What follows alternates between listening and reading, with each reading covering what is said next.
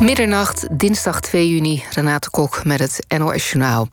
Burgemeester Halsema was overdonderd door de omvang van het racismeprotest in Amsterdam, zei ze eerder vanavond in het televisieprogramma Op 1. Door de drukte op de Dam lukt het de duizenden betogers niet om anderhalve meter afstand te houden. Politie ingrijpen was volgens Halsema geen optie, want dan had er met harde hand opgetreden moeten worden en dat vond ze niet verantwoord. Minister Grapperhaus zegt dat de drukte alle perken te buiten ging. Volgens hem zijn de beelden pijnlijk om te zien voor mensen die zich wel aan de coronamaatregelen hebben gehouden. De zwarte Amerikaanse arrestant George Floyd is overleden aan zuurstofgebrek, blijkt uit een nieuw onderzoek in opdracht van de familie. Volgens het rapport stierf hij als gevolg van druk in zijn nek en rug door agenten van Minneapolis. Een agent zette vorige week maandag meer dan acht minuten zijn knie in de nek van Floyd. In een eerste onderzoek van de autoriteiten stond dat de arrestant niet om het leven kwam door verstikking, maar door onder meer giftige stoffen in zijn lichaam en door gezondheidsklachten. In de Verenigde Staten zijn al dagenlang demonstraties naar aanleiding van de dood van Floyd. In New York is daarom een avondklok nu ingesteld. Tussen 11 uur s avonds en 5 uur s morgens mogen inwoners alleen met een gegronde reden naar buiten. In veel andere steden was de avondklok al eerder ingevoerd. De burgemeester van New York en de gouverneur zeggen dat ze geen andere keuze hebben om het geweld te beteugelen. Ook wordt het aantal agenten op straat verdubbeld. Afgelopen nacht liepen de protesten in verschillende delen van New York weer uit de hand. Winkels werden geplunderd en honderden mensen zijn opgepakt. Suriname meldt vijf nieuwe besmettingen met het coronavirus. Het totaal komt daarmee op 28. Volgens Surinaamse media zijn er onder andere militairen besmet. President Bouterse heeft daarom het uitgaansverbod aangescherpt. Vanaf nu geldt dat tussen 6 uur s avonds en 6 uur s morgens. Ook mogen er niet meer mensen bij elkaar komen dan vijf. Het weer, het is helder, het koelt af naar een graad of 12. Later overdag zonnig en droog, weinig wind. En dan kan het oplopen de temperatuur tot 28 graden. Dit was het NOS Journaal. NPO Radio 1. VPRO. Nooit meer slapen.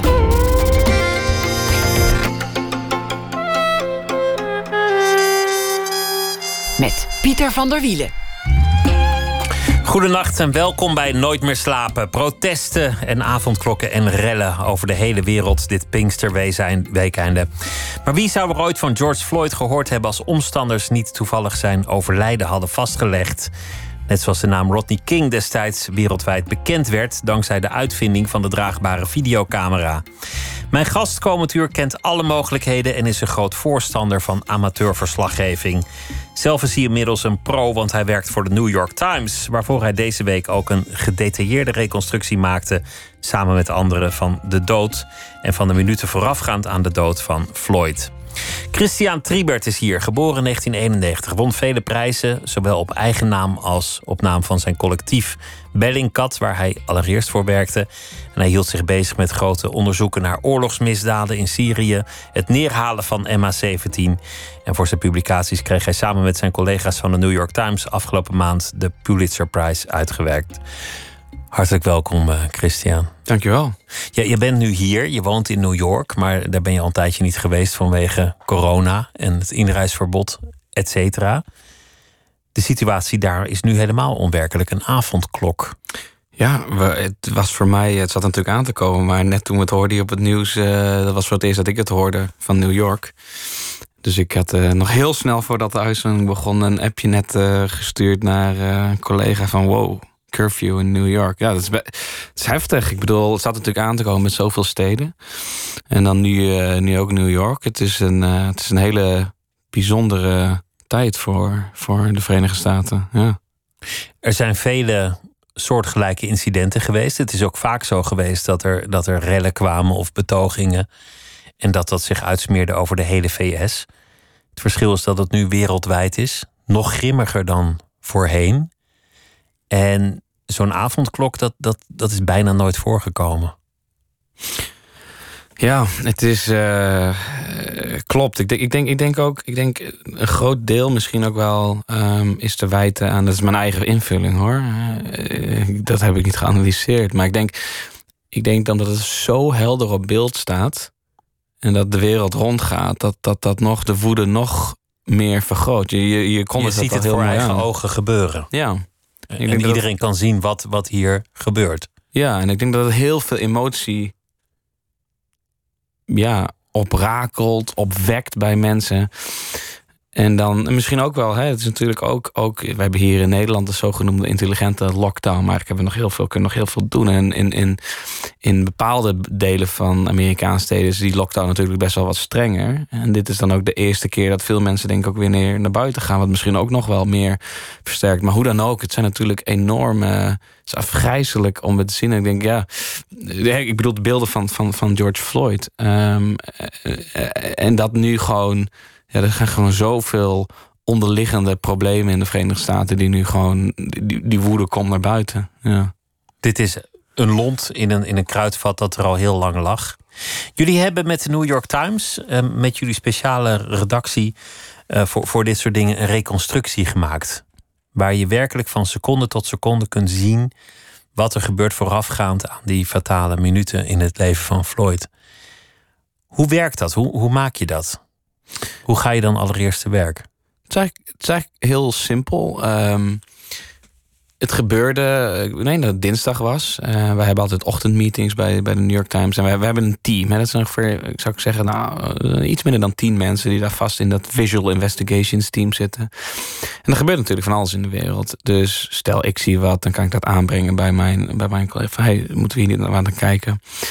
En um, een van mijn uh, bazen, zou ik kunnen zeggen, Whitney, Whitney Hurst, zei, uh, had een andere collega van mij gepinkt van... hey, misschien moeten we even in, dat, uh, in, in, in die dood van, van George Floyd gaan kijken. En op de weg hier naartoe, uh, net van Amsterdam, toen, toen sprak ik nog even met die collega.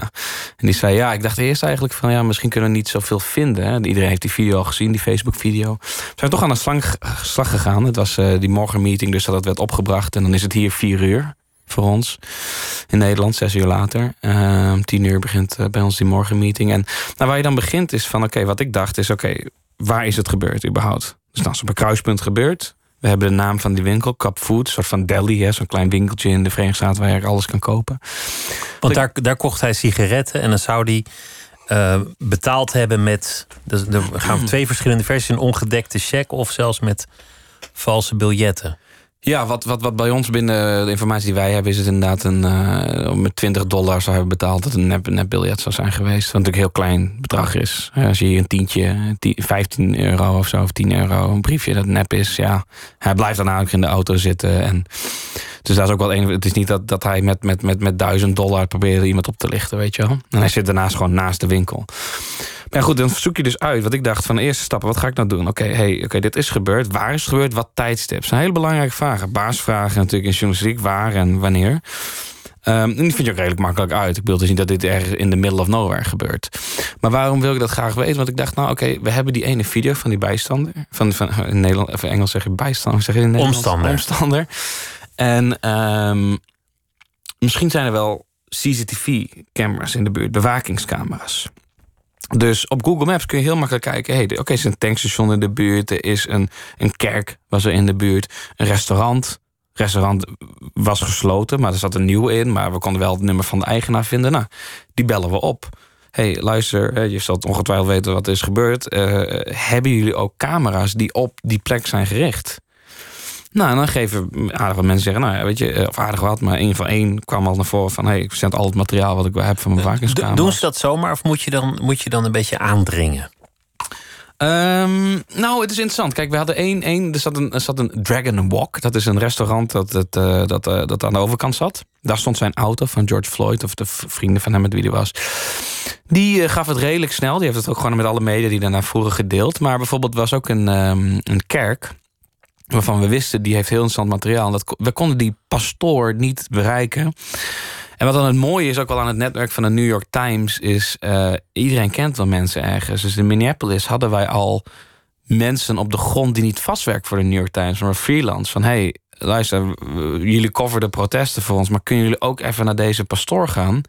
Dan heeft dus uh, Katie Nelson, met iemand met wie we samenwerken met hem, heeft gewoon 2,5 uur voor zijn deur gezeten om te wachten tot hij terugkwam. Die beelden hebben we uiteindelijk niet in handen gekregen, helaas. Maar, um, Want hij gaf ze niet. Of hij had ze Het is nog een beetje onduidelijk waarom we die beelden nog steeds niet hebben. Maar eh, hij was eerst al stond er wel voor open. Dus het is, dat weet ik niet helemaal wa- wat er nou precies is gebeurd. We hebben wel een deel van kunnen zien. En dat gaf een heel goed zicht op, op, op wat er gebeurde. Ehm, maar dat is dan een eerste stap, weet je wel. Van die beelden verzamelen. En wat een andere stap is. Dat is best wel fascinerend. Want je Ehm, hebt meerdere filmpjes van, van omstanders. ja, eh, Eentje stopt met filmen op het moment dat de politie eh, hem of haar wegstuurt. klopt. Eh, een ander die gaat pas later weer filmen. Iemand filmt weer vanuit een andere hoek. Je hebt dan een beveiligingscamera. Nou ja, eh, al die beelden die moet je eigenlijk ook nog synchroniseren. Dat je precies qua tijdstip Hmm. kunt volgen dat het met elkaar klopt. Ja, dat is niet, niet per definitie heel makkelijk. Ehm, we kwamen echt dat de bewakingscamera's ongeveer 24 minuten voorliepen. Dus, dus, dus, dus, dus dan heb je een tijd. Acht uur s'avonds, zo gebeurde het. Zeg, laat ik zeggen, 18 over 8 s'avonds en dan 36 seconden. En we denken, hè? En wat bleek nou? Die camera's liepen 24 minuten voor. Dus die tijdstamps die je daar hebt op, op die bewakingscamera's beelden van het restaurant, die klopte niet. Maar op een gegeven moment zie je een politieauto arriveren en denk je, oh, hey, wacht even, die politieauto heb ik eerder zien arriveren in dat andere filmpje. Oh, en dan ga je dus alles naast elkaar zetten. En jullie hebben ook opnames van eh, het alarmnummer, waardoor jullie ook die tijden daaraan kunnen koppelen. Zijn, zijn die opnames altijd vrij beschikbaar? Is dat, is dat hoe dat werkt? Ja, zeker. Die zijn vrij beschikbaar. Dat is, dat is, dat is ook hier in. ehm, het is grappig. Het, die, stuk waarvoor we de Pulitzerprijs hebben gewonnen, hebben natuurlijk audio gebruikt van de Russische luchtmacht die op open kanalen met elkaar spreekt. En dan gebruikte ik vaak het voorbeeld van, nou, ik ben in Leeuwen opgegroeid en eh, ook redelijk dicht bij een politiebureau. En jongens in de stoere jongens in de buurt, die hadden dan een, eh een politie Een bakkie Een heette dat geloof ik, of een scanner. ja, een scanner. Ja, misschien is een bakje ook wel een woord voor. Eh, een scanner. Ja, wij, er zijn, die, die, die luisteren dus naar de politie. Die, die zo. eh, we gaan naar, we gaan naar Adria Bouwstraat, eh, dit nummer. En dan denk ik, wow, we luisteren naar politie. Weet je wel, nou, dat was heel wat. En dat voorbeeld ik gebruikte ik van dat zullen meer mensen in Nederland misschien wel herkennen. Van ja, daar kun je naar luisteren. Dat voorbeeld gebruikte ik om uit te leggen: oké, dat, dat gebeurt dus eigenlijk ook met de Russische luchtmacht, die niet geëncrypteerde eh, eh, kanalen gebruikt. Maar in de Verenigde Staten, met de ambulance, de brandweer en de politie, gebruiken dus ook heel veel open kanalen. Dus wat je hebt, is dat je gewoon mensen, hobbyisten, die nemen dat gewoon allemaal op en die zetten gewoon per half uur per dag. Dus dat is nou 24 uur, dus dat is 8, eh, 40 eh, eh, mp3-fijltjes online. Nou, dan hoor je gewoon heel uit ruis. En hoor je van, oké, hebben we een brand in het oosten van de stad? Kan er iemand heen? Dus daar zijn we allemaal langs gegaan. Om te kijken, hé, hey, wat gebeurt er nou op het moment... dat dit met het hele geval met George Floyd gebeurt? Dus dan hoor je op een gegeven moment de politie die ergens naartoe wordt geroepen. Die hoort op een gegeven moment dat de politie zegt code 2, eh, iemand bloedt uit zijn mond... kunnen we IMS krijgen, eh, eh, Emergency Medical Services, de ambulance. Dat hoor je dus allemaal. Dat, dat gebruiken we dus ook allemaal in je timeline. Dus moet je, hoe je het eigenlijk moet voorstellen, of voorstellen hoe het gewoon is, is we hebben een spreadsheet, Google Sheets, want dan kun je makkelijk online samenwerken. Gewoon Excel-bestand. Zetten we alle tijdcodes in, zetten alle eh, wat het is. En dan gooi je dat allemaal bij elkaar, zodat je seconde tot seconde tot seconde tot seconde hebt wat er gebeurt. Dus wanneer de politie zegt: hé, hey, we hebben code 2, dat betekent niet, niet eh, met de sirenes aan, doe maar rustig aan, bij wijze van spreken. Tot en met de bewakingscameraspeelers, tot en met die Facebook-video van die En dan de opschaling naar code 3. Het is wel ernstig. Ja, dan even, al heel snel zeggen ze dan code 3. Ehm, en dan duurt het nog even dat de ambulance er is.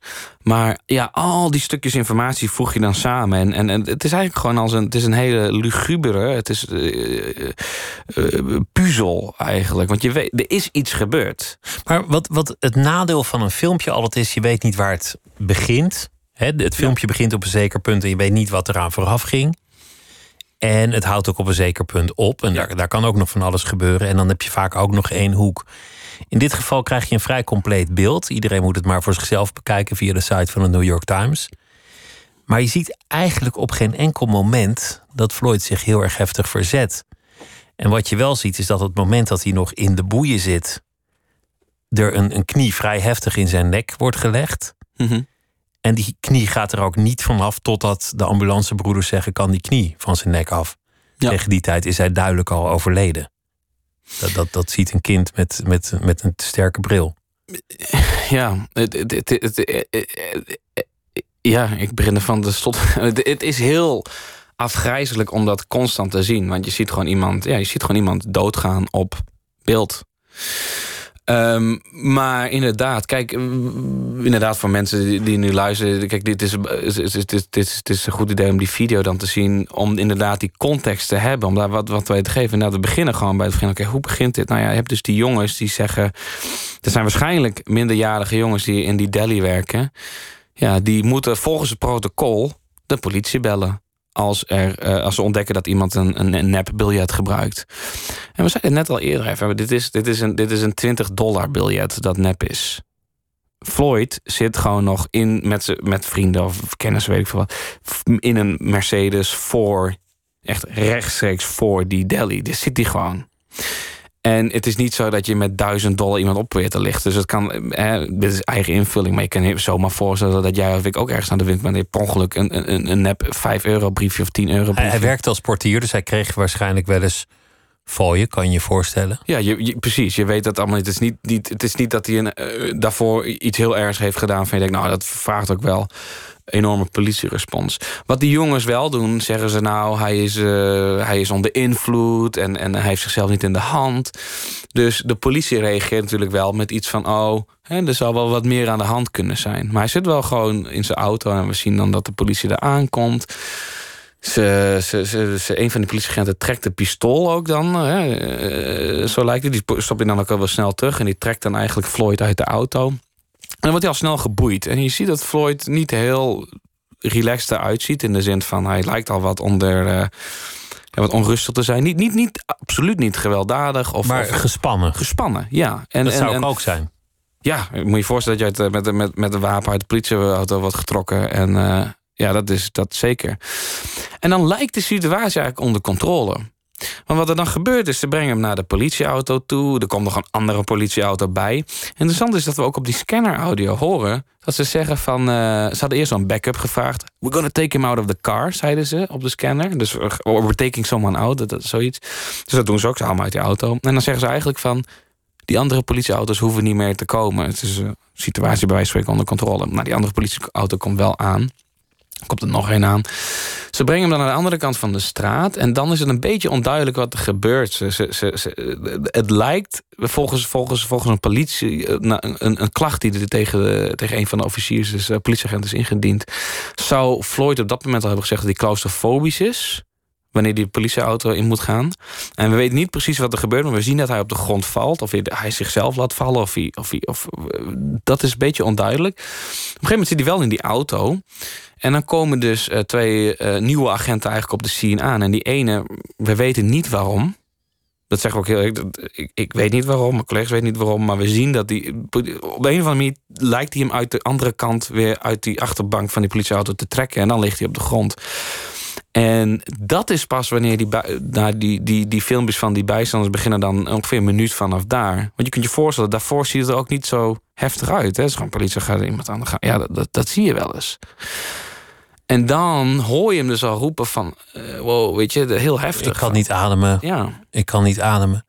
Welke informatie missen jullie nog? Welke informatie zouden jullie graag willen weten? Of, of, of welke informatie weet je dat er is? Of welke beelden weet je dat er zijn? En die heb je niet kunnen krijgen. Je weet dat meerdere agenten eh, een, ehm, een bodycamera droegen. Ja, een, lichaams... Ik weet niet hoe je dat in het Nederlands Een bodycam noemen ze dat Ja, hier geloof ik bodycam, ook. bodycam. We hebben maar eh, van één agent eh, die beelden in, in, eh, in handen en kunnen zien. Ik ben heel benieuwd naar, naar die andere ook. Vooral wat wordt er precies gezegd. Het zou dus zijn dat een van. Kijk, die eerste video lijkt te zien dat er maar één iemand op zijn nek zit. Maar er zitten drie op zijn lichaam. Die oefenen allemaal druk uit op zijn lichaam.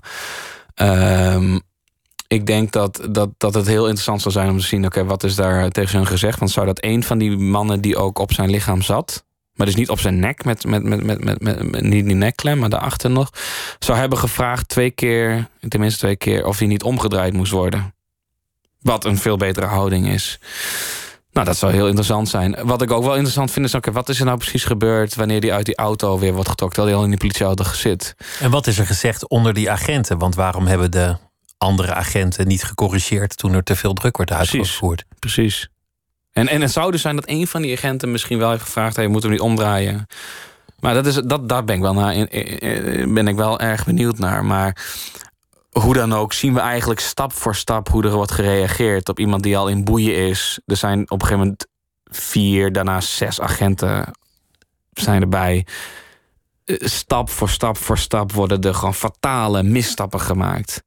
Het belangrijkste is in dit geval het protocol. Want we hebben in, in de meeste samenlevingen geweld geprofessionaliseerd. Er zijn maar een paar mensen die geweld mogen gebruiken. Militaire politieagenten. Die hebben een, een license to, nou ja, kills misschien meteen heel grof, maar tot het gebruiken van geweld. Maar dat moet dan volgens regels en protocollen. In dit geval is heel duidelijk dat die protocollen zijn geschonden.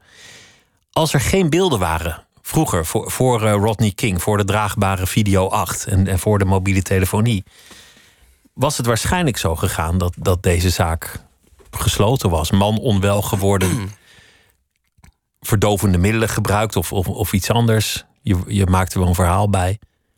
Vermoedelijk had je daar nooit meer iets van gehoord. Dat, dat was ook bijvoorbeeld in, in Nederland een, merkwaardig moment toen, toen iemand na Parkpop, Mitch Henriquez, uh, om het leven kwam bij een arrestatie, dat de politie onmiddellijk een persbericht klaar had waarin stond dat hij in zijn cel was overleden, terwijl hij nooit zijn cel heeft gehaald.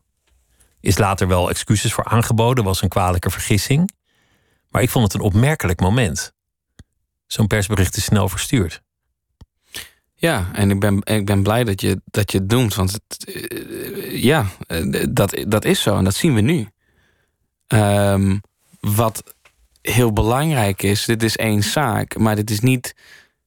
Nou, je, noemt het zelf al meerdere keren. Van het, is niet, het is niet iets dat op zichzelf staat. Het gebeurt veel vaak. Ik bedoel, nota bene, ons eigen team heeft een paar weken eerder nog uh, de moord onderzocht op Ahmed Aubrey in, in, in staat Georgia. Ehm, door blanke mannen uh, uh, doodgeschoten. En, en, en, en, en, en, hij was Afro-Amerikaans. Ik bedoel, dit gebeurt zo vaak. En je gaat je dan ook afvragen... Wat, het is fantastisch dat wat wij kunnen doen met de New York Times... of, of wat Bellingcat doet met openbare informatie... en reconstrueren wat er gebeurt. Maar denk aan al die gevallen waar geen beeldmateriaal is... en al die gevallen waar je dan niet die informatie hebt. Ja, dan kan het... Dat is, dat is dan een duister, dat is een donkere plek... en daar gebeurt ook nog heel veel shit. Uh, die we niet eens weten. Of, of die mensen dan al snel afdoen. Ja, maar we weten niet het hele verhaal. We weten maar, maar wat, denk jij, wat denk je dat er gaat veranderen nu al die mogelijkheden er zijn? Want dit, we staan nog maar aan het begin van, van de burgerverslaggeving, om het zo maar te noemen. We zien nu al dat deze rellen veel groter zijn dan ze twintig jaar geleden zouden zijn. En toen waren ze ook al groot. Maar het geldt natuurlijk ook voor heel veel andere dossiers waarin amateuropnamen een grote rol gaan spelen. Heb, je, heb jij enig zicht op hoe dat de samenleving zal veranderen uiteindelijk? Een hele grote, het is een hele, grote, vraag. Ja. Um, ik, ik, vraag het ook omdat jij er een groot voorstander en pleitbezorger van bent. Ja, nou, je, je, je hebt wel eens uh, van die hele mooie afbeeldingen waarin um, Waarin dan een, eh, een, een, zeg maar een silhouet van een, van een machinegeweer wordt gevormd aan de hand van een pen en een microfoon en noem maar op, hè, van het schrijven, de burgerjournalist, de journalistiek en weet je wel. Uh, dat dat dan het wapen vormt. Um, maar ja, ik denk dat, dat, dat, dat, dat de camera daarin een heel, uh, natuurlijk een enorm machtig middel kan zijn. Dat zien we nu in dit geval. Excuses. Dat zien we nu in dit geval. Um, Ja, het is, ja, het is een hele grote vraag. Ik weet het niet. Ik weet we, niet wat we, voor... We parkeren, ja. we parkeren die vraag even. Ja. Hoe is het bij jou begonnen? Wanneer kwam je erachter dat, je, dat jij een, een Sherlock op het web was? Nou, toen een, een, journalist dat dan zei, weet je. dat ja. had je zelf niet door. Maar, nee, maar op een zeker ik, doe, ik doe ook maar wat. Ik doe ook maar wat, joh. Maar hoe is dat Ja. begonnen, dat, dat maar wat doen? Nou, ik denk, ik denk, ik ben, eh, ik ben, ik ben heel goed. Ik ben, ik ben echt heel goed. Ik hou ook echt van radio, want dan kun je gewoon even lekker praten. Ehm, ik ben heel goed dat ik middelbare school zat en mijn maat Olivier toen ehm, ja, fascinerend, de hele wereld in, weet je wel. En we zaten in aardrijkskunde lokaal en geschiedenislokaal van die mooie kaarten en zo, weet je wel. En ik denk, nou, we moeten gewoon op pad. Zijn we op pad gegaan. Uh, middelbare school zijn we gaan uh, met een, eerst een treinticket, zo door heel Europa gegaan.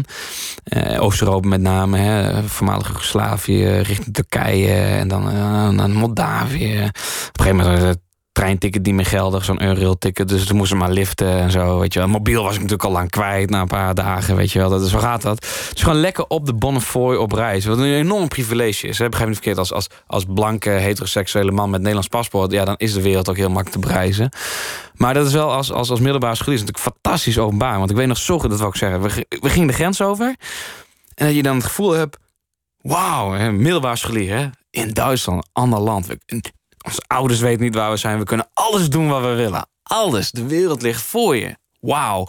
Nou, dus dat, en, en daarna het liften, weet je wel. Nou, dat is gewoon een enorme drijf geweest van wauw, wat is er veel eh, schoonheid, mooiheid in de wereld. En, maar ook dat je denkt van, jee, de Nederlanders maken grap over Duitsers, Duitsers maken grappen misschien over de Hongaren, de Hongaren over de Roemenen, de Roemenen over de Bulgaren, de Bulgaren over de Turken, de Turken over de Syriërs.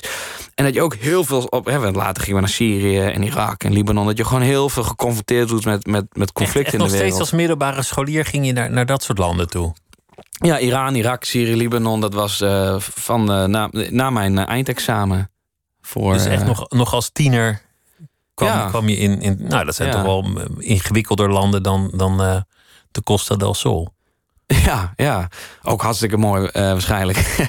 maar ja. nee, nee, maar, maar ik denk daar komt wel die interesse uit voort van wauw, weet je, van er gebeurt zoveel in de wereld. En toen ben ik wel een beetje freelance journalistiek gaan doen, een fotografie in Afghanistan. En ik ben met een andere studiegenoten dus in Tsjetsjenië geweest, waar ook maar één dag. En dan weer naar Moermans gelift in het noorden van Rusland. Maar Oekraïne toen, tijdens de, tijdens de revolutie... ik mocht voor de Universiteitskan Groningen uh, twee stukken schrijven. En dan keek ik dan ook voor betaald, dat is fantastisch. En in Irak ook wel verslag gedaan, Syrië. Waarom? Want ik kon ook mijn contacten op een moment in de landen. Dan kon heel makkelijk natuurlijk Syrië in. Uh, uh, omdat we, ja, je bent al eens geweest en dan het toch wat makkelijker. Toen met de toenmalige vriendin in, het noorden van Syrië geweest tijdens de burgerrol. Maar ook wel dacht van ja, om heel eerlijk met te zijn, ik, ik ben niet de beste schrijver. Ik ben schrijven hartstikke moeilijk. Uh, ik ben ook niet, ik vind fotografie fantastisch, maar ja, het is ook niet dat je daar en uh, nou, nou heel veel dat je daar wat heel veel mee kunt verdienen. En ik was wel student, dus een enorm geprivilegeerde positie om dat te kunnen doen, maar niet zorgen hoeft te maken dat je wel inkomen hebt. Maar hoe deed je dat verslaggeven dan? Je komt in een conflictgebied, iedereen heeft een ander verhaal. In een, in een oorlog is de waarheid het eerste dat sneuvelt. En jij komt er als, als nou ja, jongeling, als, als bakvis. Hoe, hoe kun je daar dan de waarheid boven water krijgen. Hoe deed je dat? Nou ja, dat was het ook wel een beetje, dat ik daar kwam. Bijvoorbeeld laat ik Irak als voorbeeld nemen. In 2015 en toen met een, uh, met een, uh, met een Nederlandse vriend van mij, Saya... die, die, die, familie heeft in Iraks Koerdistan.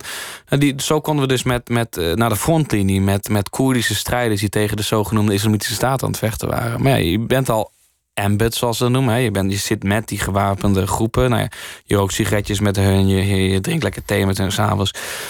Maar ja, de andere kant, het is niet dat je, dat je dan even naar de islamitische staat gaat om te vragen: hey, hoe is het bij jullie jongens? En hoe kijken jullie er tegenaan? Ja, dus dat vond ik, en, en, en dan dat gecombineerd, dat vond ik heel. Ik, ik, op de grondjournalistiek, dat, dat moet je altijd blijven doen. Denk aan die Katie waar ik net over had, die in het geval van George Floyd 2,5 uur voor de deur van de pastoor gaat wachten.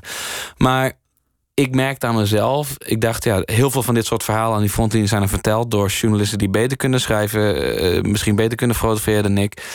Uh, weet je, doe ik dit nou voor mezelf? Of, of kan ik ook echt iets bijdragen aan wat er al is? Ik bedoel, als je googelt, dan vind je tig verhalen over die frontlinie. En weet je wel, wat draag ik daar bij? Nou, als ik dan letterlijk in de spiegel kijk naar mezelf, denk ik, nou, niet heel veel.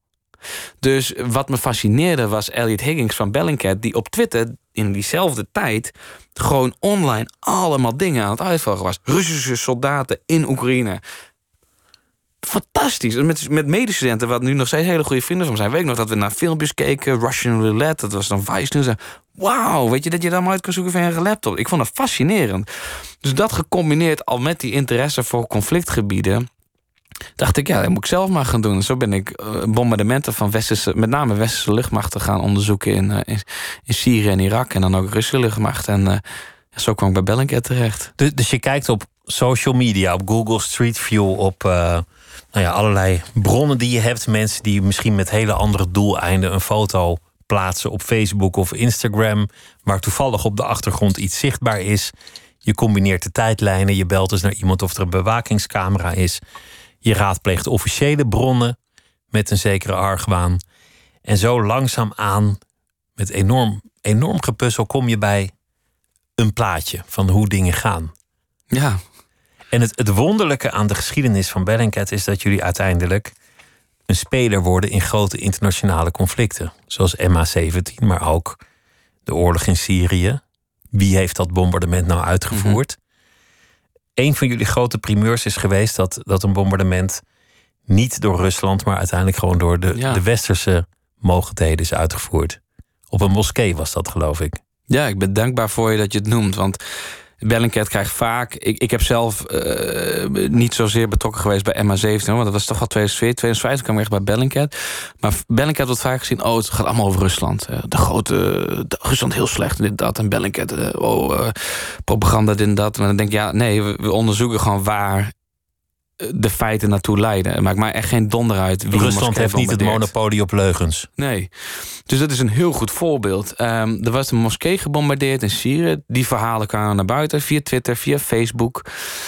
Nou, dat is wel heftig. Ik bedoel, het is, het is een, dat is, dat is, dat is, er waren veel doden bij gevallen. En er was beeldmateriaal. Dus nou ja, dan, dan doen we het eerste weer. Of het nou Minneapolis is, waar we net over hadden. Of uh, onder de rook, bij wijze van spreken, van de grote stad Aleppo in Syrië. Een moskee, ja, je gaat uitzoeken wanneer en waar is dit gebeurd. Dus zo ga je aan de gang. En uh, het werd zelfs ook in, in, in, in, in Engelstalige media al genoemd als de nou, Amerikanen, of sorry, de Russen zouden het wel hebben uitgevoerd.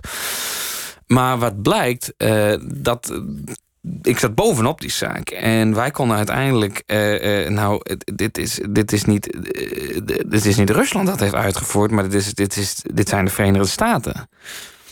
Um, hoe, hoe, wist je dat zo zeker op een zeker punt? Nou, je krijgt vaak hè, kleine puzzelstukjes al mee. Hè, dat kan bijvoorbeeld een, een fragment van een, een bomscherf zijn die, die bijvoorbeeld alleen de Amerikanen gebruiken en de Russen niet.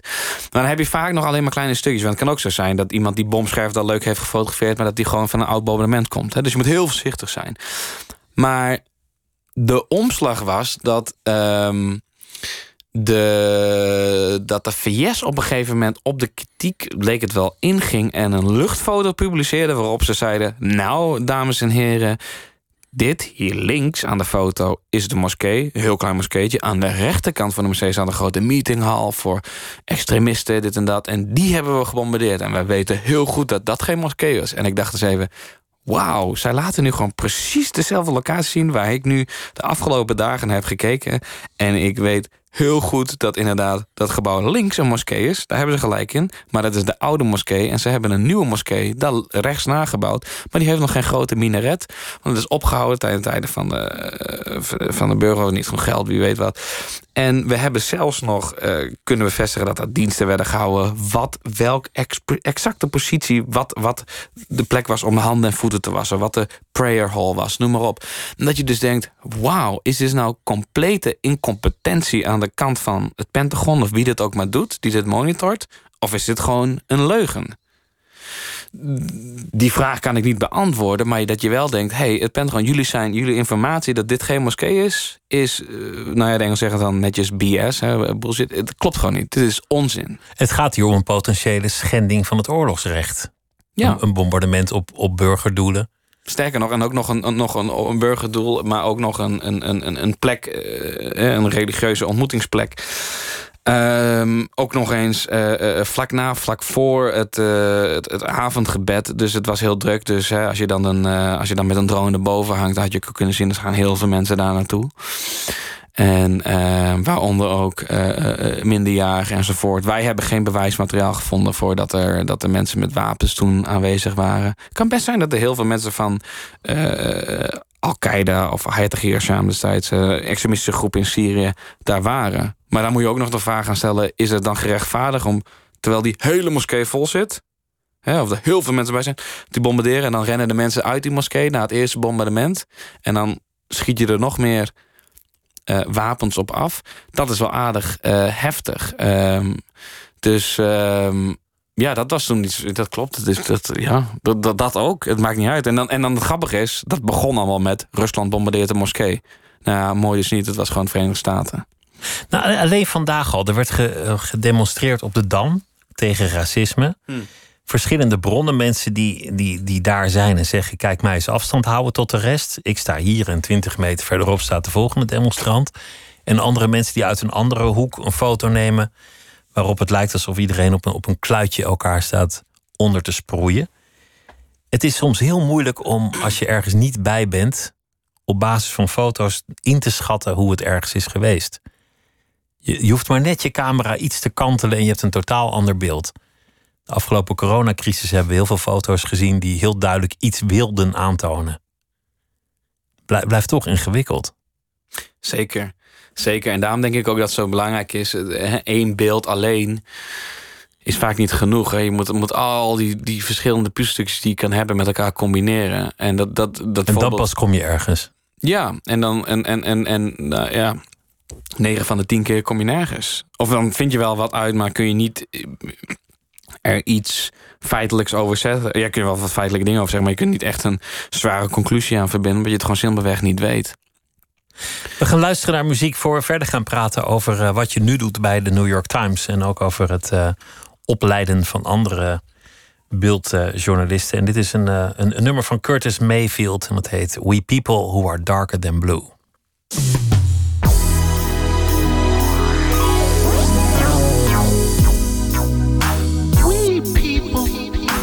Who are darker than blue.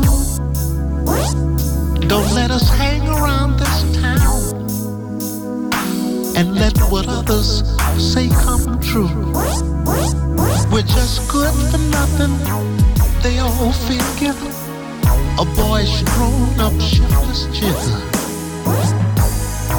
Now we can't hardly stand for that.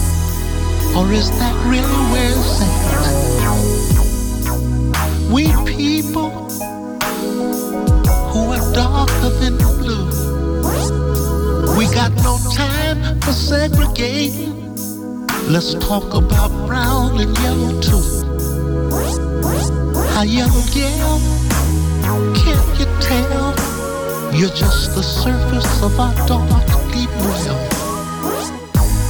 If your mind could really see, you'd know your color, same as me.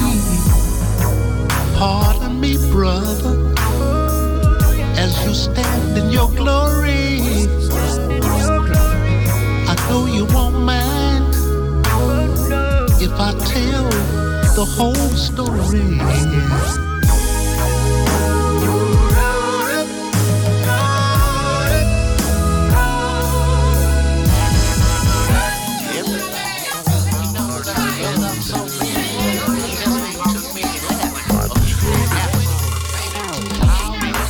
Curtis Mayfield was dat. Nooit meer slapen in gesprek met eh, Christian Triebert. Hij eh, werkt voor de New York Times. Voor de beeldredactie waar hij eh, speciale reconstructies maakt van belangrijke nieuwsverhalen. En daarvoor was hij betrokken bij Bellingcat. En hij is een van de mensen die zich inzet voor meer burgerjournalistiek. En we hebben het gehad over wat nu het grote nieuws is. Het afgelopen weekend George Floyd. En de redden die daaruit zijn voortgekomen. En ook alle demonstraties over de hele wereld. En jullie reconstructie, waarop je duidelijk kunt zien wat er eh, zich heeft voorgedaan. Er zijn nog een paar vragen open, maar over het algemeen is dit een duidelijk beeld. Je vertelde ook dat, dat het jong begon met een, jongen uit Friesland die je zelf was. Die ging reizen steeds verder, de wereld open zag gaan en toch in, in ingewikkelde landen terecht kwam. En die nieuwsgierigheid leidde tot journalistiek, maar je bent niet een geweldig schrijver. Er zijn al zoveel goede journalisten, dus je dacht, wat kan ik toevoegen? En zo kwam je terecht in deze vorm van eh, journalistiek. En de verwondering bij jou, maar ook bij je collega's, hoeveel je te weten kunt komen door gewoon achter je scherm te zitten. Er is ook een film over jullie gemaakt. Het is Heel wonderlijk om, om te zien al die mensen die gewoon thuis tussen het kinderspeelgoed of, of, de onopgeruimde ontbijtbordjes achter hun laptop zitten. En uiteindelijk de, de wereldmachten uitdagen. Een speler worden voor internationale tribunalen. Een, een partij in conflicten. Komt er ook angst bij kijken? Mm, Ik bedoel, je, je, gaat, je, je richt je toch tegen hele grote jongens. Ja, ehm, niet zozeer angst voor mezelf, angst voor mensen met wie wij samenwerken die niet het privilege hebben om in een liberale democratie te, en rechtsstaat te, te, te, leven, zoals Nederland bijvoorbeeld, zoals ik zelf. Ehm, dat is wel iets wat, wat, wat gewoon. Daar kun je soms wel wakker van liggen als je gewoon met mensen in contact bent van je weet, die zijn in gevaar. Of, Want jullie zelf bij Bellingcat destijds werden wel veelvuldig bedreigd. Ja, ja, ja, ja, ja, ja, maar, maar ja, weet je, kijk. Klopt. Je, je, zegt het een beetje schouderophalend van... ach, nou ja, het is het internet, we dreigen wat. Nee, nee, nee begrijp me niet verkeerd. Dat, dat is heftig. Dat is, begrijp me niet verkeerd, dat is heftig. Maar eh, bij Bellingcat, en Bellingcat nog steeds... werkt natuurlijk veel samen met mensen in Rusland nu bij de New York Times werk ik samen met mensen in Syrië, in Rusland, in noem het maar op. Dat zijn de mensen waar ik angst voor heb. Dat zijn de mensen die heel dicht bij het vuur staan en heel. die niet de bescherming hebben van bijvoorbeeld een Nederlands paspoort.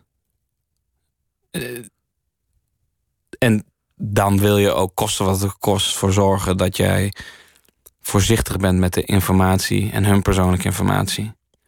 Uh, omdat je nooit in te nemen hun in gevaar wil brengen, hen in gevaar wil brengen. Je zet je ook in om andere mensen op te leiden of, of te vragen om zich hier ook in te bekwamen. Hoe, hoe gaat dat? Ja, dat doe ik nu iets minder sinds ik bij de New York Times zit. New York Times heeft toch zoiets van, ja, weet je, ga gewoon maar lekker... Uh, ga er maar werken. Onderzoeken, ja. gaan we gewoon lekker onderzoeken en, en, en niet, niet te veel tijd besteden aan, aan, aan allemaal uh, workshops geven over de hele wereld. Maar dat heb ik inderdaad bijna drie jaar lang gedaan voor Bellingcat. Dus, dus van Colombia tot en met Nigeria en van van, van, van, van, van, van, van Kirgizië tot en met Zuid-Afrika. En, en, en, en gewoon hier in Hilversum tot en met. Uh, noem eens wat, Minsk, Belarus, de Wit-Russische hoofdstad. Um, hoe dat gaat? Nou, um, het is eigenlijk gewoon. Um, ja. Hopen dat je, dat je. Eigenlijk laat je gewoon. Eigenlijk is het enige belangrijke wat je een beetje mensen wil laten zien: van hé, hey, er zijn heel veel dingen die je online kunt doen. Er zijn heel veel tools dit zijn van, van de basisdingen waarvan we denken... dit zou iedereen gewoon moeten weten. Niet alleen elke journalist of elke activist... of elke uh, internationaal recht. Wat voor dingen zijn dat? Nou, denk bijvoorbeeld hoe, hoe gebruik ik... hoe kan ik historische satellietbeelden vinden? iedereen kan wel naar Google Maps gaan. Maar ook, ook aan start soms is dat... hoe gebruik ik Google Maps wat beter? Hoe vind ik de exacte locatie van een foto? Dat hoeft niet alleen maar een gruweldaad te zijn, hè, die onderzoek. Denk eens aan een oude vakantiefoto van je denkt... wauw, heel lang geleden, we waren op vakantie in Zuid-Frankrijk. Waar is dit in hemelsnaam? Dat kun je ook proberen uitzoeken. En dat is een leuke manier om te leren... oké, hoe kan ik aan, aan de hand van visuele clues in die foto aanwijzingen. Hoe kan ik, hoe kan ik nou een satellietbeeld gebruiken of Street View om die exacte locatie te vinden? Goed voorbeeld is, en dat is gewoon heel erg leuk. Um, een ander voorbeeld is, hoe kan, ik, hoe kan ik aan de stand van de schaduw zien om wat voor tijdstip deze foto ongeveer is genomen? Dan moet je net maar net even weten waar je dat kunt vinden. Maar je moet ook gewoon net maar gewoon, gewoon even doen. En iemand die je soms dan even bij de hand neemt te laten zien, nou doe je dit en dat. En is eigenlijk heel simpel en gewoon heel erg leuk. Het interessante is dat, dat, jij en, en de mensen om jou heen internet zien als een manier om de waarheid aan het licht te brengen. Terwijl meestal in, in het publieke debat gaat het over internet als een manier om rookgordijnen op te trekken, desinformatie te verspreiden. Of in ieder geval verwarring. Verwarring is genoeg. Verwarring zorgt voor het moment dat mensen denken: ach ja, zie je, weet jij veel, laat maar. Daar, daar zit wel een verschil in, in jullie kijk. Er zit een verschil in dat wij eh, het voor inderdaad het, het, het bovenhalen van feiten willen gebruiken. Maar dat haalt niet weg dat. En jullie hebben ook vertrouwen in het medium als ja. mechanisme om feiten boven te brengen. En niet als mechanisme om juist feiten te verdoezelen of te verdraaien. Nou, helaas. Uh, uh, Allebei. ja. Het, het, het, weet je, wij kunnen alsnog iets publiceren en dan uh, daar komt er inderdaad een digitaal rookgordijn of. Of je wordt voor, voor van alles uitgemaakt. Ja, en of mensen kijken of lezen het niet eens, weet je wel. En, en ja, dat, dat is ook wel eens om moedeloos van te worden. Ja, maar ja, dan moet je toch blijven in die hoop. Want je denkt van ja, er zijn ook we doen het uiteindelijk om die feiten boven te halen. En, en, en, en er zijn ook genoeg mensen die het lezen of toch kijken. En ehm, soms is het ook wel arguing in bad faith, weet je wel. En dan ga ik met mijn goede geloof met iemand discussiëren die zegt: Ja, maar waarom dit dan niet? En dan zeg ik: Ja, maar hey, dat leggen we hieruit in deze video. Ik help je even op weg. Kijk dit even. En zo. zo. Ja, maar waarom dat dan niet? En dan, ja, dan, dan denk ik op een gegeven moment: Ja, iemand ik kan ook gewoon heel makkelijk bezig zijn met je tijd verdoen. Je houdt dus eigenlijk vertrouwen in de mensheid. Daarom doe je dit werk. Uh, ja, dat moeten we altijd wel blijven doen. We moeten altijd vertrouwen blijven houden in, in elkaar. Waarom eigenlijk?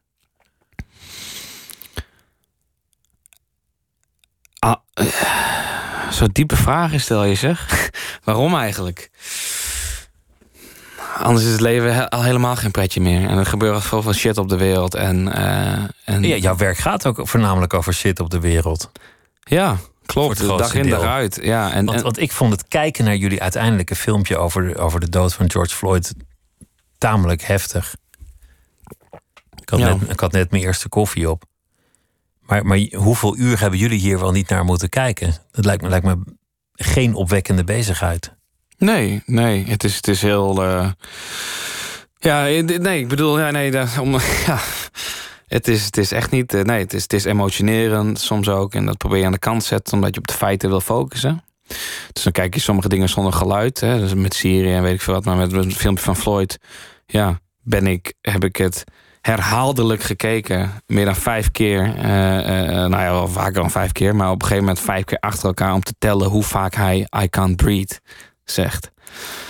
Dat moet je met gaan. Het is afschuwelijk. Het is afschuwelijk. En dat doet heel veel met je. Want je ziet daar wel drie mensen bovenop iemand zitten... die, die daar door blijven gaan. En... en, en, en uh, het is heel, denk ik, het is, het is ook redelijk gemakkelijk om je daarin laten mee te sleuren. En denk, wat een fucked up wereld. Sorry voor mijn taalgebruik, maar ja, wat een fucked up wereld we in wel wonen. En, en ja, uh, ja verschrikkelijk. En, en, en ik denk, ja, om terug te komen dat het liften, het is, het is toch ook, ik heb het privilege gehad om gewoon heel veel liefde en gastvrijheid en vertrouwen te krijgen van mensen die niet eens weten hoe ik heet of, of, of die ik nooit meer van mijn leven zal zien. En dat hou je dan ook wel een beetje bij je. Van ja, de vriendelijkheid van een vreemdeling. Het is niet alleen maar narigheid. Je hebt ook in je eigen leven voorbeelden gezien. Hoe, hoe ver gingen die reis uiteindelijk? Want we waren gebleven in Syrië, geloof ik. Hmm. Hoe ver die gingen? Nou ja. Uh... Iran, hoe, hoe, zuidelijk, noordelijk, oostelijk, westelijk ben je, ben je gekomen? nou, ik ben in je liftavonturen. In 2009, toen uh, een andere vriend van mij, uh, zie je, toen zeiden we tegen elkaar met vier vrienden, waar we toen hadden een bosatlas. Had ik meegenomen van de middelbare school, volgens mij. Want ik zat nog op de middelbare school. En toen hadden we gewoon een kaart van Europa. En toen zeiden we elkaar: wat is een Europees land waar we nog niet zijn geweest met al? Want dan gaan we daarheen liften in de herfstvakantie. Dat was Wit-Rusland. Dus we gingen naar Wit-Rusland. En op een gegeven moment ging het steeds verder. Want ja, eh, geld voor vliegtickets hadden we niet zozeer. Van die goedkope Ryanair vliegtickets. En dan zie ik, zit ik dan hier ook met mijn hypocrisie. Want ik geef van de wereld. Maar ondertussen vloog ik wel naar Bulgarije voor een vakantie. Even, um, wij gingen dus... Um, steeds kijken waar, wat zijn volgende landen waar we heen kunnen. Nou, dat werd Iran, Irak, Syrië, Libanon. Toen werd het Georgië, Azerbeidzjan, Armenië. En dan, eh, toen werd het Rusland. En toen werd het Tajikistan en Kirgizië en Kazachstan. En toen werd het van Groningen naar Kaapstad liften. Dus... Uh, van ja, door heel Europa dan Egypte, Soudaan, uh, Ethiopië, uh, noem ja, helemaal tot met Zuid-Afrika. Ja, overal waar we heen konden eigenlijk. En noem dan eens een voorbeeld waardoor jij zegt: ja, mijn vertrouwen in de mensheid gaat niet zo snel stuk, want ik heb op die reizen zoveel moois meegemaakt. Wat, wat was het meest prangende voorbeeld dat je kunt noemen? misschien is het niet zo eens één specifiek voorbeeld, maar is het dat constante stroom. Dat je eigenlijk op de goedheid van andere mensen van Groningen, waar ik toen studeerde. Dat is de definitie, de definitie van lift is dat iemand stopt en dat portier open doet. Ja. Met hopelijk een andere bedoeling dan, dan, nou ja, goed, slechte bedoelingen, maar gewoon om jou mee te nemen. Ja, en dat er dus in al die verschillende landen kom je bij allemaal, ik, allemaal mensen in de auto die allemaal maar denken: ja, maar ik doe maar iets heel kleins voor jou. Je hoeft me niet zoveel te bedanken. Ik vind het hartstikke prima. Even een gesprek of even een koffie of hartstikke gezellig samen in de auto. Of je zegt juist niks, heb je soms ook. Maar, maar, maar midden, midden, in Afrika was jullie tas gejat en je paspoort en, en, en nog net niet je onderbroek. je hebt goed onderzoek gedaan. Dat is waar, toch? Nee, dat is zeker waar. Dat is Ja. zeker waar. Stond ook in de Leeuwarden krant, dus dat is helemaal waar. Maar nee, dat klopt. Nee, dat is gebeurd. Omdat wij inderdaad dachten, we kunnen wel even kamperen... in het midden van eh M- M- eh, Maiguduri, volgens mij staat in Tanzania. Ehm, ja, nee, dat natuurlijk gebeurt ook. En Eh, toen? Wat, wat doe je dan? Dan zit, zit je midden in, in... Ik kan de plaatsnaam helaas niet herhalen... zonder, zonder tas, paspoort. ja. Met, met, met slechts nog je boxershorts en een, en een tentje. Wat, Nou, dat is een bijzonder verhaal. We hadden een GPS-tracker in een heel groot ding destijds. Dat zat nog niet in de mobiele telefoons. En eh, ja, die deed het niet. We dachten eerst kunnen we via die GPS-tracker vinden waar het is gebeurd. Maar toen eh, is uiteindelijk zijn we de hele dag rondgereden met politie en zo. En toen, eh, toen kwam uiteindelijk, omdat toch wel grote gemeenschappen zijn. Ja, had de politieagent wat door waar er iets mensen waren wel wat aan het praten van ja, eh, daar weten ze wel wat ervan en dit en dat. En aan het eind van de dag als een soort van baantjeserie, weet je wel, van liepen we door de overal en het was allemaal ook een beetje, ja, eh, weet je, je denkt ook van ja, weet je, wat maakt dat eigenlijk allemaal uit? Uiteindelijk kregen we gewoon alles terug en toen gingen we met eh, met, met de Hoe- hoe dan? officier. Ja, die had dus van een of andere soort van wijkoudste. Die had dan wel wat gehoord van nou, wat jongens geweest die wat hadden gedaan. En die zijn er naartoe gegaan. Die hadden gezegd, luister, deze, deze jongens zijn ook gewoon... eh, of deze twee jongens en meisje, die zijn ook gewoon aan het liften. Kijk, die, die komen hier helemaal, die hebben geen slechte bedoelingen. En die hebben verder ook niks bij zich. Hè? En... En, en, en, en, en ehm, ja, weet je, ze hebben bijna niks. En eh, ze willen gewoon alleen graag hun backpack terug. En dan, dan nou, zodoende kwam alles weer terug bij de, bij de meneer de politieagent... Die, eh, die terugkwam aan het eind van de dag met alles wat, wat we hadden... tot aan onze vieze boxershorts toe. En toen eh, zei hij, nu gaan we lekker biertje samen drinken. de dieven die werden aangesproken op hun eh, empathie. Ja. In, in dat geval. En zo hield je je vertrouwen in de mensheid. Hoe, hoe is het anders? Want je, je bent op een zeker ogenblik door de New York Times gevraagd, samen met nog een, andere, een aantal anderen, om dit soort werk te gaan doen. De New York Times wil hier groot op inzetten en dat doen ze nu ook, om in dit soort gevallen, en George Floyd is echt een prachtig voorbeeld, echt aan waarheidsvinding te doen en Mhm. echt aan het publiek te laten zien, zo is het gegaan, deze filmpjes hebben we kunnen vinden. Hoe maakt dat verschil met je, met je vorige werk? Want nu werk je wel voor een groot, machtig en, en misschien ook wel log instituut. Ja, ja. Van de, af, van, van, van buitenkant lijkt het inderdaad zo. Wat, ik denk gewoon ik enorm eh, ja, eh, privilege heb om, om gewoon heel veel vertrouwen te krijgen van mijn, eh, van mijn hogeren, om het zo maar te zeggen. En dat ik in een team samenwerk waar iedereen uit hele verschillende achtergronden komt. En iedereen heeft zoiets. George Floyd, dat gebeurt. Laten we gaan kijken wat we ermee, wat we kunnen vinden. Syrië, ziekenhuis gebombardeerd. Afghanistan, een huis wordt gebombardeerd. Laten we gaan kijken wat we kunnen vinden. Dat iedereen die handen ineen, in, ineen slaat en zegt... laten we gewoon het onderzoeken. Misschien draait het op niks uit, misschien ook wel. De verandering daarin is eigenlijk het enige... is, is de manier hoe op je het verhaal vertelt. Bij Bellingcat schreef ik soms een ellenlang eh, stuk... wat misschien 15 mensen lezen. En dan ging een journalist schreef soms dan, dan weer een leuker stuk over. Of een leuker stuk is niet het juiste woord, maar een, iets toegankelijker stuk. Wat ik denk bij de New York Times heel veel doe, is we zoomen heel erg in, in al die details. En dan zoomen we weer uit. Van, oké, wat, wat, wat is hier nou de essentie? Wat is hier belangrijk? Wat bewijst dit? Ja, dus bij, la- laten we George Floyd als voorbeeld nemen. Bij Bellingcat had ik waarschijnlijk gewoon die hele timeline van seconde tot seconde tot seconde gepubliceerd. En dan een paar punten eruit gehaald. Bij, wat we bij de New York Times nu doen is van oké, we pakken al die seconde bij seconde seconde. We pakken daar die interessante punten uit. En dan maken we er ook nog eens gewoon een heel strak verhaal van oké, dit is wat er dan gebeurt. Dat is wat er dan gebeurt. Daarom is dit belangrijk. Dat die ambulance dan komt en daarna die brandweer. Daarom is dit belangrijk. Dat je dat, je, dat, je dat ook toevoegt en dat je het ook visualiseert. En dat, dat is natuurlijk fantastisch. Want, want je, je hebt daar editors, je hebt daar, je, hebt daar, je hebt daar mensen die graphics maken, die het allemaal in een video maken. En dat is allemaal samen. Daar heb je het dan over. Hoe gaan we het laten zien? En dat, dat, dat maakt Dus je hebt een publiek, sterk. je kunt het verhaal goed vertellen. Je krijgt ook geld, want, want voorheen moest je natuurlijk leven van donaties en, Mhm. en, en weinig lezers. Dat, dat lijkt me ook verschil. Maar er zit ook een enorme status aan wat je brengt. De New York Times, dat is een, een gezagsdragende naam. Ja, ja. Verhoogt dat de druk of, of was die er altijd al?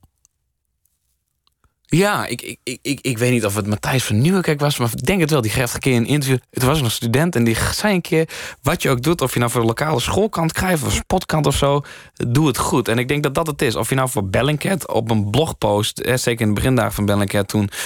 Dat er helemaal bijna niemand van wist. Een beetje, wie zijn dat, wat is dat allemaal? Of je dat daarvoor schrijft, of, een, of, voor de New York Times, maakt niet uit. Als jij gaat zeggen, dit zijn de feiten... dan moet je ook van heel goed weten dat het de feiten zijn. En anders publiceer je het niet. Dus daar is eigenlijk niet veel veranderd. Maar tuurlijk ligt, die, ligt natuurlijk de gevolgen... als je iets publiceert wat niet klopt, uh, veel hoger. Maar in de werkwijze is eigenlijk precies hetzelfde. Van je bent zeker van je zaak of je bent het niet. En... Um, ja, wat je natuurlijk wel werkt, is dat, dat, dat, dat, dat, dat, dat, ja, heel veel mensen over de hele wereld lezen de New York Times of zien de New York Times. Dus uh, ja, dat is ook wel bijzonder. Uh. Wat, wat ik ook opmerkelijk vind in de zaak Floyd, maar eigenlijk in, in vrijwel al die eerdere zaken, is dan komt er een, een lijkschouwing. Hmm. En dan komt er ook een, een eigen onderzoek namens de nabestaanden.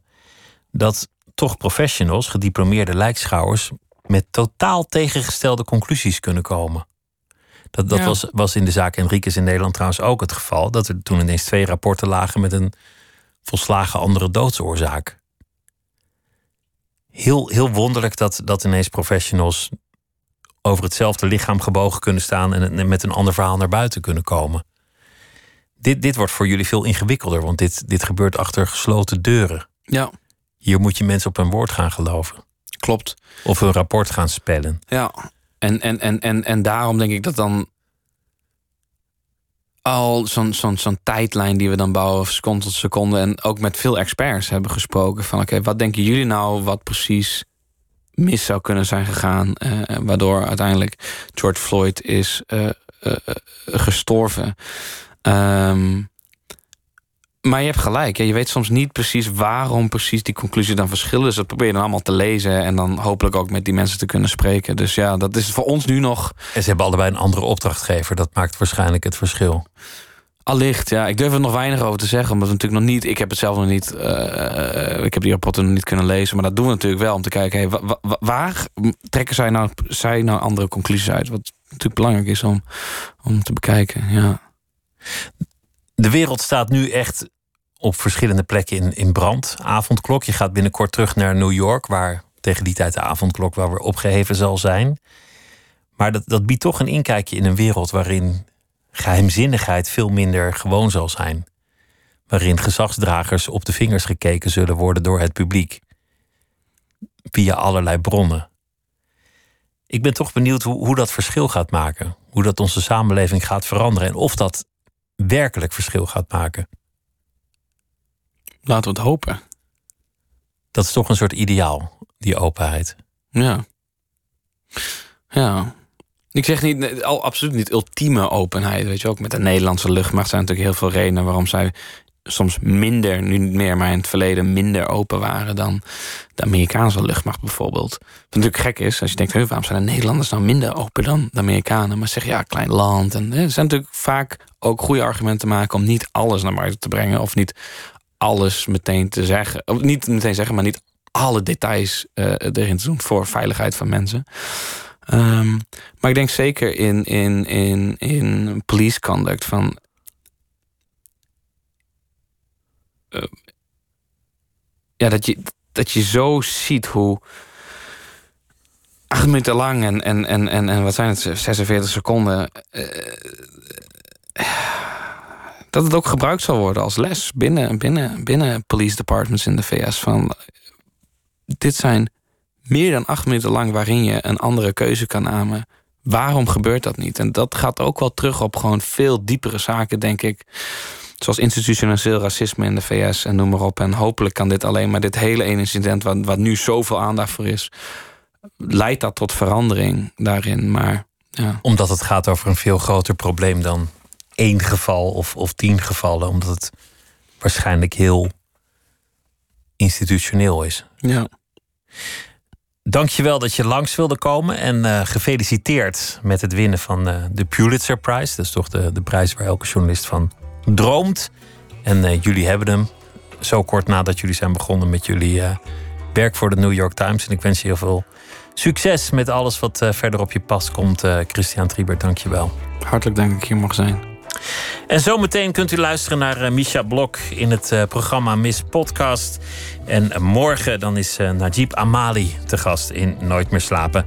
En ik wens u een hele goede nacht.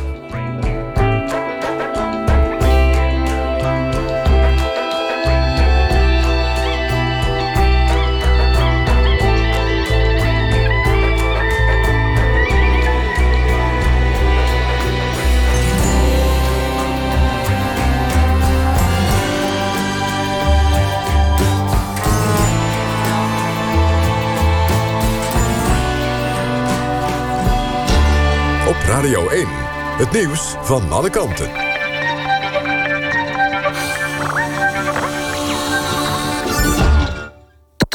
NPO Radio 1.